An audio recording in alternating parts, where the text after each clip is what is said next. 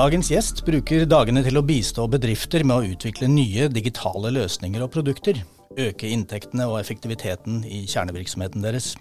Paul Jenkins er senior partner i McKinsey i Norge, med ansvar for digital omstilling. Vi lurer på hvordan det egentlig går med digitaliseringen av Europa og av Norge. Dette er Innopodden med Håkon Haugli og meg, Kjetil Svorkmo Bergman. Welcome to uh, Innopodden, Paul Jenkins. Thank you.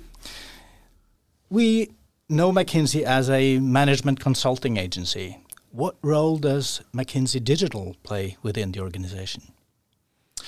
So McKinsey Digital is a it's it's a growth platform. Um, uh, it's the home of our analytics, technology, product, and, uh, and design competence. Um, and there's now over four and a half thousand uh, consultants across the globe helping our clients build new businesses, transform core technology, and execute full digital transformation.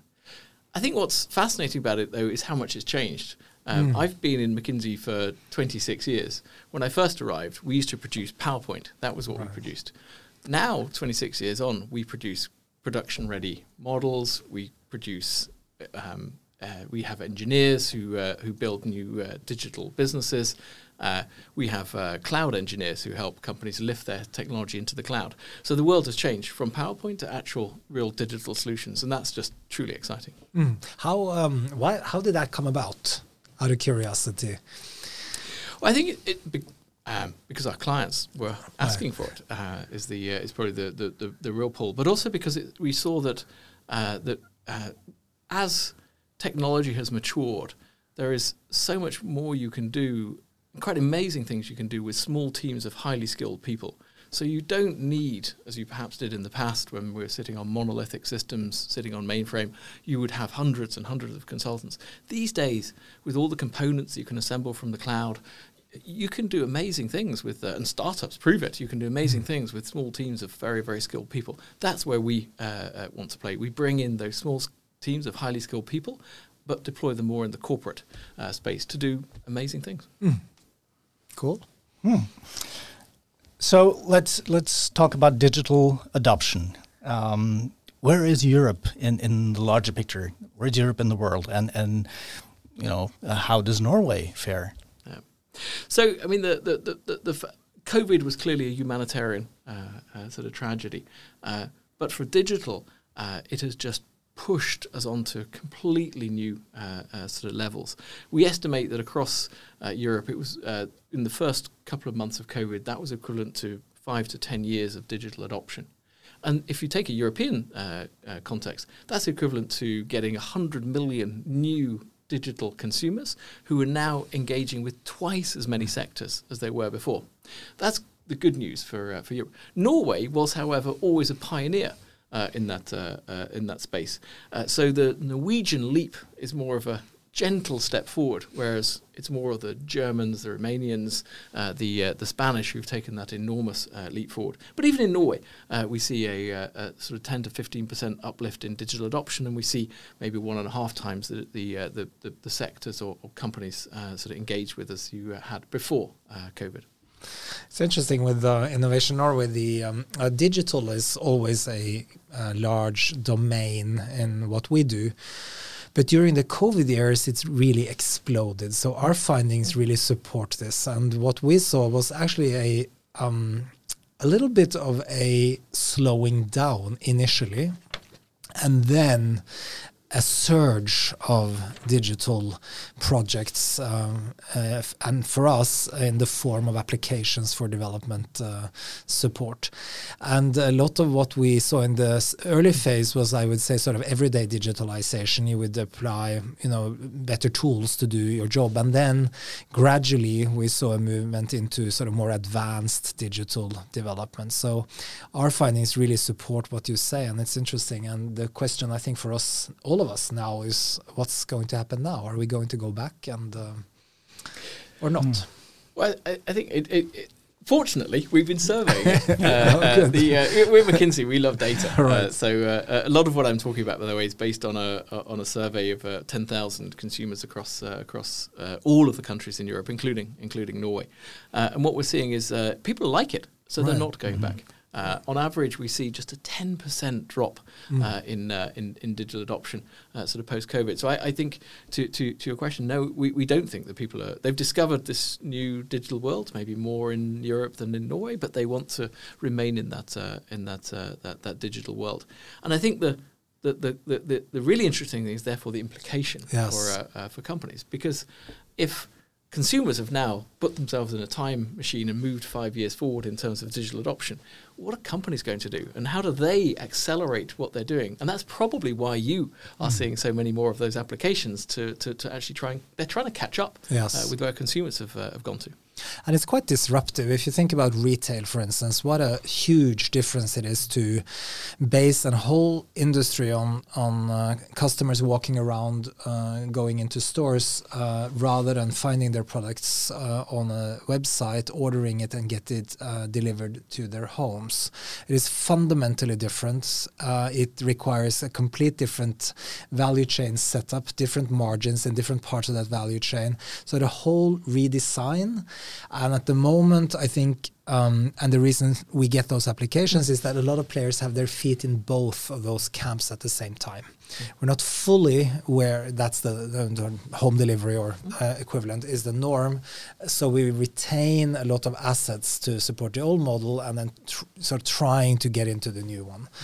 So that I think is where we are at the moment. Paul, tell us a little bit more about what the differences are between the sort of everyday digitalization that we've seen, you, know, using Teams or Zoom or whatever for meetings, and a genuinely digital business model. Yeah, and I, I'll also pick up on uh, the, the, the. I think the home delivery is also an interesting element of that end-to-end uh, solution. Um, so I think what what companies, uh, the, the, sort of partially digital uh, uh, is or remotely assisted is when uh, you've kind of got physical processes just copied and pasted into the, the new digital uh, setup, and often where you perhaps have to drop out at some point and you have a physical interaction, maybe a phone call uh, to uh, to actually complete. Uh, maybe you have to hop onto Teams to uh, to complete. A true digital business, however, has end-to-end digital uh, uh, processes. Customers or employees are empowered and able to complete the full end-to-end task uh, in their channel of choice. And human interactions are only there where they're absolutely necessary and really adding uh, adding some uh, uh, some uh, some value. And I, I think you know where, where that that's within the, the, the company. I think you're onto a very interesting uh, point there, uh, talking about outside of the uh, the company and the and the, the fulfillment, particularly if it's a physical uh, physical good. And, and just one interesting observation we saw uh, is that Norway was so far ahead. All the Scandinavian countries were so far ahead, but some of the other countries have started to inch ahead of Norway Yes. in certain areas. Uh, so the UK these days is actually ahead in terms of uh, of uh, retail uh, uh, e-commerce. Why that is, I'm convinced, we're convinced, it's because of the uh, the fulfillment that you have in the UK. If you order uh, something on Amazon, sitting in London, it will arrive same day. Yes. Why would I ever go to a store uh, when it's same day? If I order something in Norway, it might be next day or the day after. It, it, it's a very different experience. So I think your point around that the, it's the true end-to-end experience that I get. Absolutely digital fulfillment online, but then if it's a physical good, we need to improve the, the, the fulfillment and the delivery of that uh, good to make the process completely uh, well as good as it can be for the for the customers.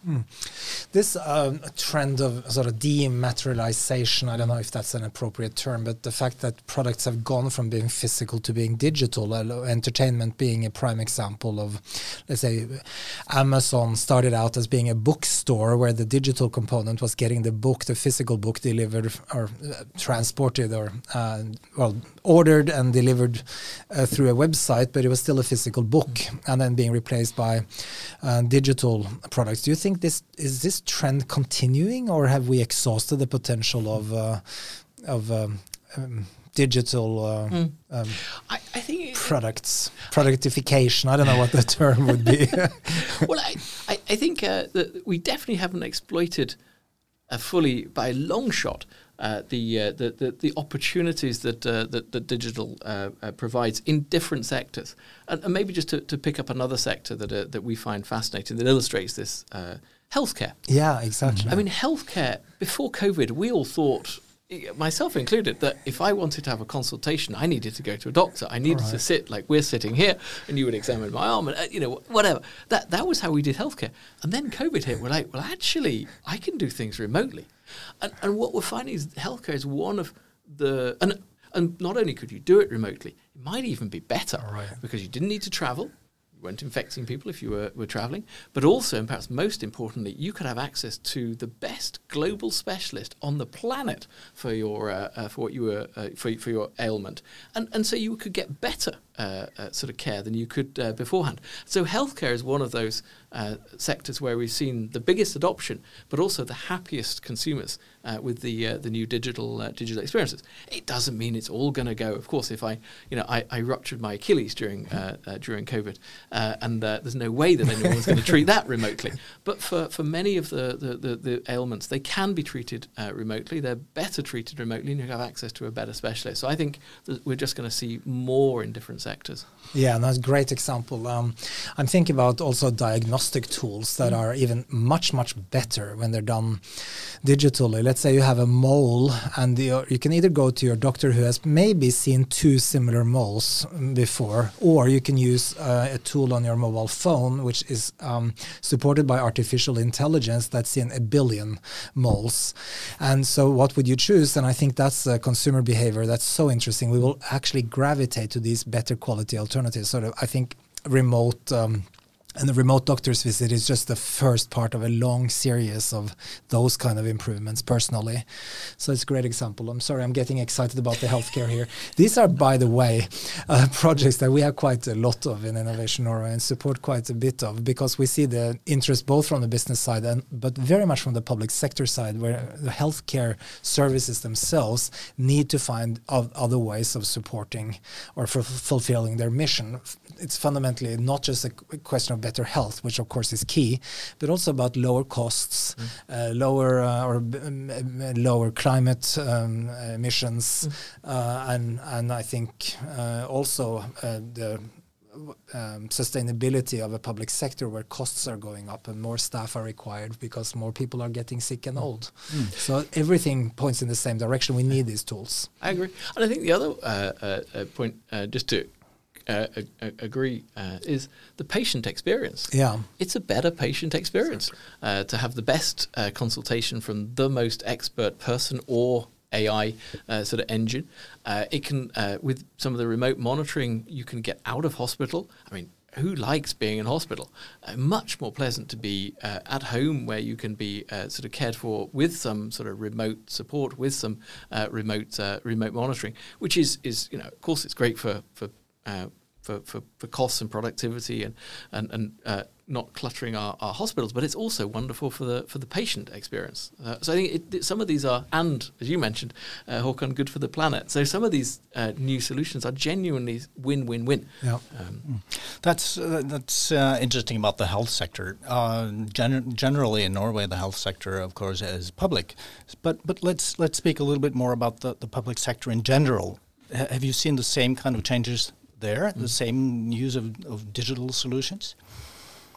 We we have. Uh, I mean, that was the. I think that the, during COVID, we were even in Norway, we were uh, sort of in our homes, and so we had to access everything uh, uh, remotely, and we were there for, for quite a while. Um, so it, it's also one of the, the sectors that's seen one of the highest sort of lifts in uh, in, in an increase in uh, in digital uh, adoption. Um, what we have seen, however, across Europe, and I'll, I'll, turn to Norway in a minute, is that we've had a. It's also the sector that's had one of the fastest dropbacks mm-hmm. to, to to people actually making use of physical uh, sort of services.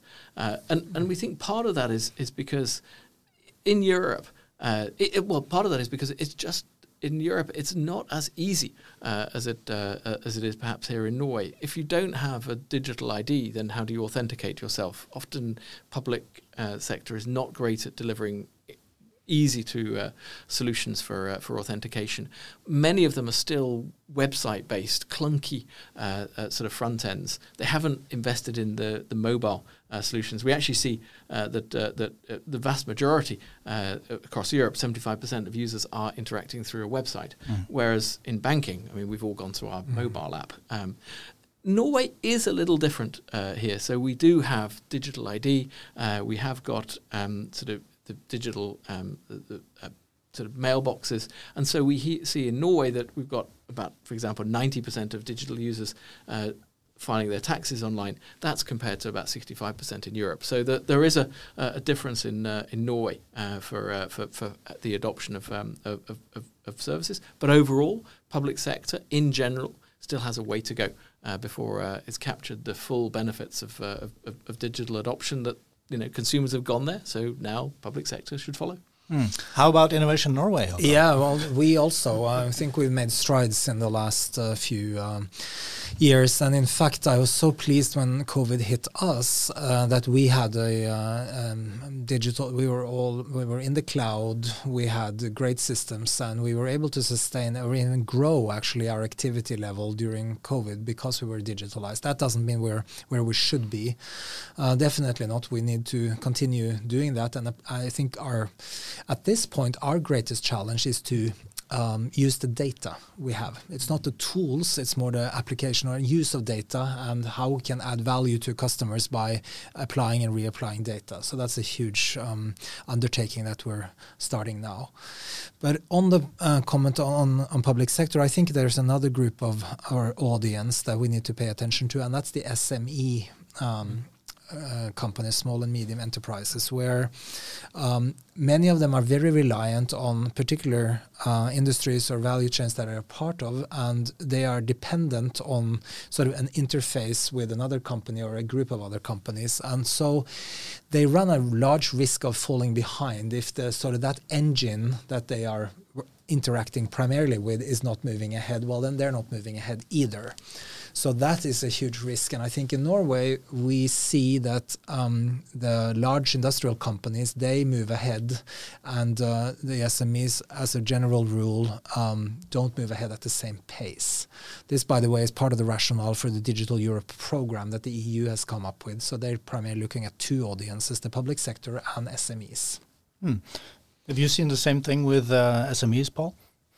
No, I mean they, they, they um, obviously, it, it's hard to generalize because some of them are real yeah, pioneers exactly. uh, in this uh, uh, in this space. But but I, I would agree. Uh, the, uh, the the the large corporates are the ones that tend to be uh, sort of moving. They have the budgets to invest in the digital sort of capabilities. The, the, the smaller SMEs neither have the budgets nor the competence to to do it. And so, but at the same time, they could be such a wonderful engine for the uh, for the economy. Uh, and so I, I, I, love the initiative, all initiatives that are taken to sponsor and create more entrepreneurship, more SMEs, and encourage them uh, to adopt some of the digital practices that are coming from the, the larger corporates.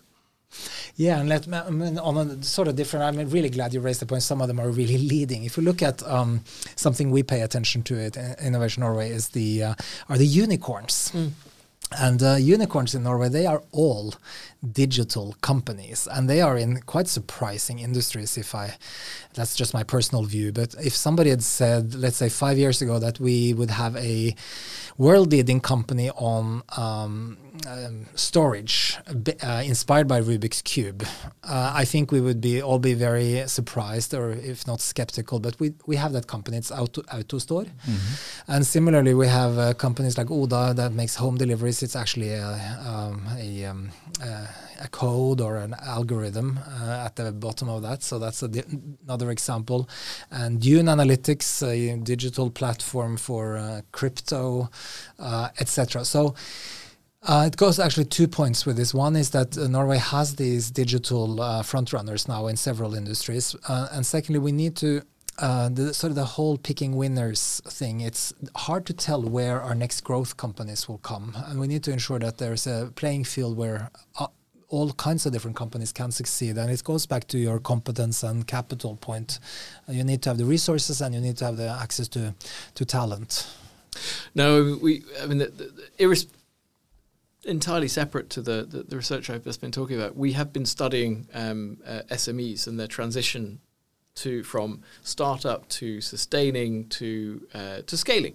Uh, and, and, and it's, it's, exactly as you say, it, it's, there are some pivotal points where if you intervene, you can make a huge difference, both to ensure that they su- sustain. That's a good start.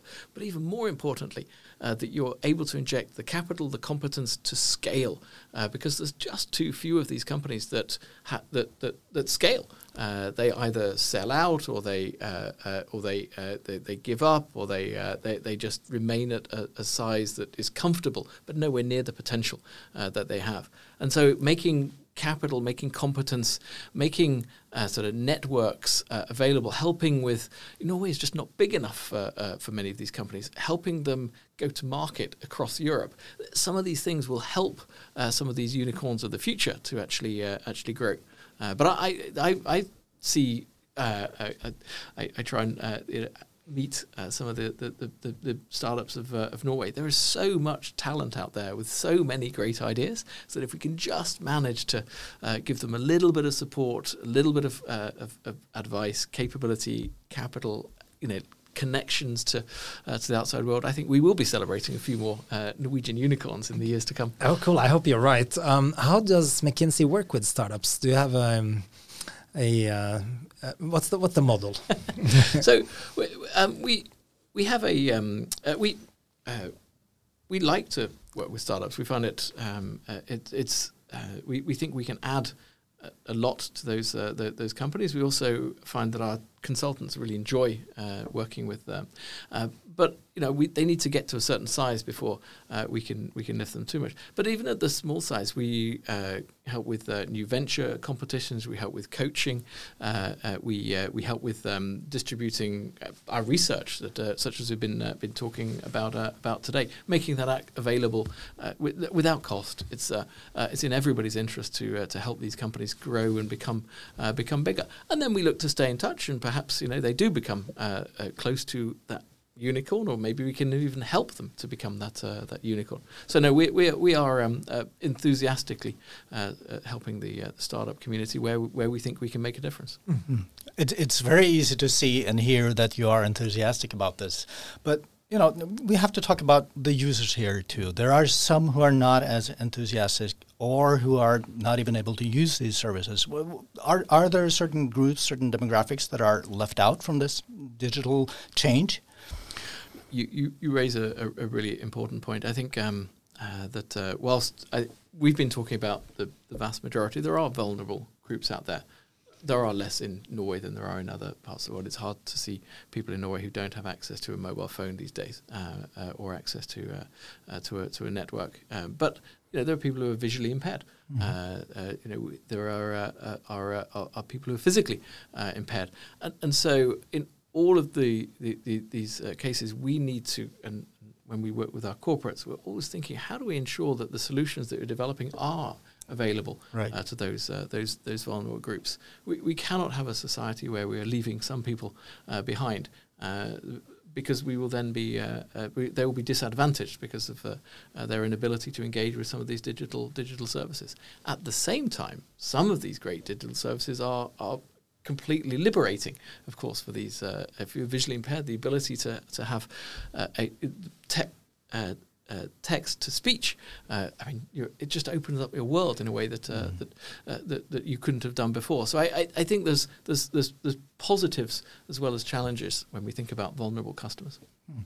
We're, we're getting close to the end of our conversation here, but but you know, let me ask you to look into your crystal ball for a few minutes. What are some of the, the, the new big digital changes that we will see in the future?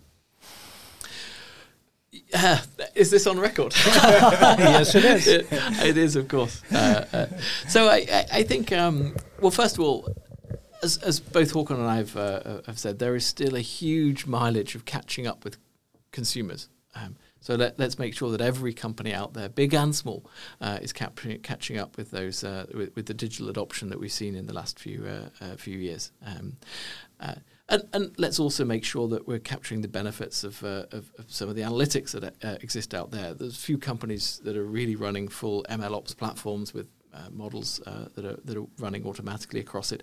Few system, few core systems are fully flexible, modular, and connected to the cloud and sitting in APIs. So there's a lot of things that you can uh, you can do there. Um, but when you really uh, ask me to look into the crystal ball, well, first of all, I am actually a, a I'm a PhD physicist, so I wish I would say quantum computing. Mm. I wish it's probably a little bit further out, and so I'll I'll, I'll go with another uh, trend that I'm a passionate believer in, and that is the breaking down of boundaries between uh, sort of sectors.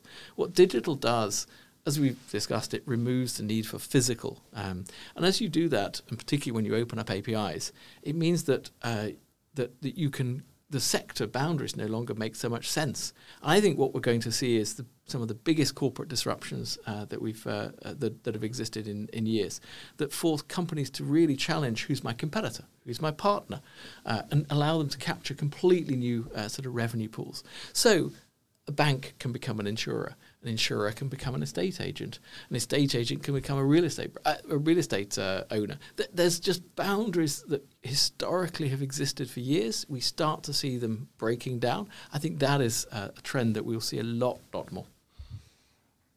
What do you think, Håkon? Oh, I'm getting. Um, it's really interesting.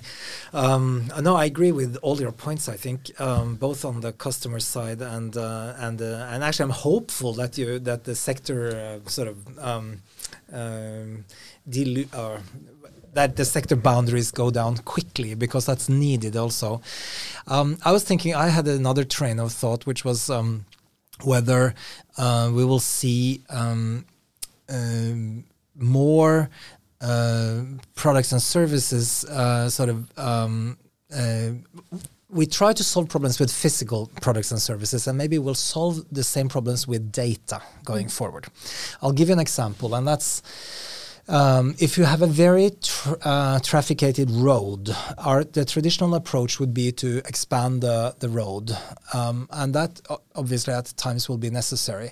However, you might be able to steer traffic by providing data to the, the, the, the people who are on the road or can avoid to be on the road at specific times.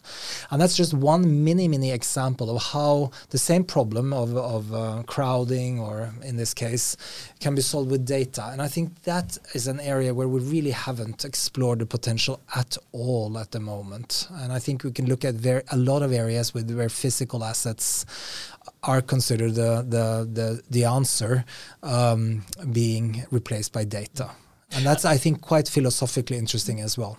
And I think just to, to, to build on it, it also forces us to question ownership. Yes. Uh, because in using uh, uh, data, we are able to, and we start to see it. In, you can. Sh- do I need to own a car, or could I share a car? Exactly. Uh, you know, do I need to own a, an office, or could I share an office? If if if, the, the, if I have the ability to, do I need as a, you know a, a, farmer out there? Do I need to own my own tractor or my combine harvester they use once a year? Is it the, the, the ability of data, as you say, to to help us share things to make better use of the, the limited assets we have, it's got to be uh, good for, for, for for the, uh, the, the companies themselves, but it's clearly also good for for sustainability. Mm. So I, I, I love that idea. Yeah, and digital and sustainability that's a whole different that's a whole podcast in itself. How those two are twins, and we need to ensure that um, yeah, anyway, I'm looking at you, Kjetil. I realize we're at the end of our time.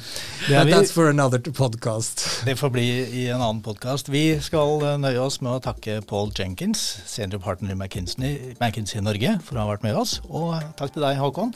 Mitt navn er Kjetil Sporkmo Bergman. Vi høres igjen i Innopodden.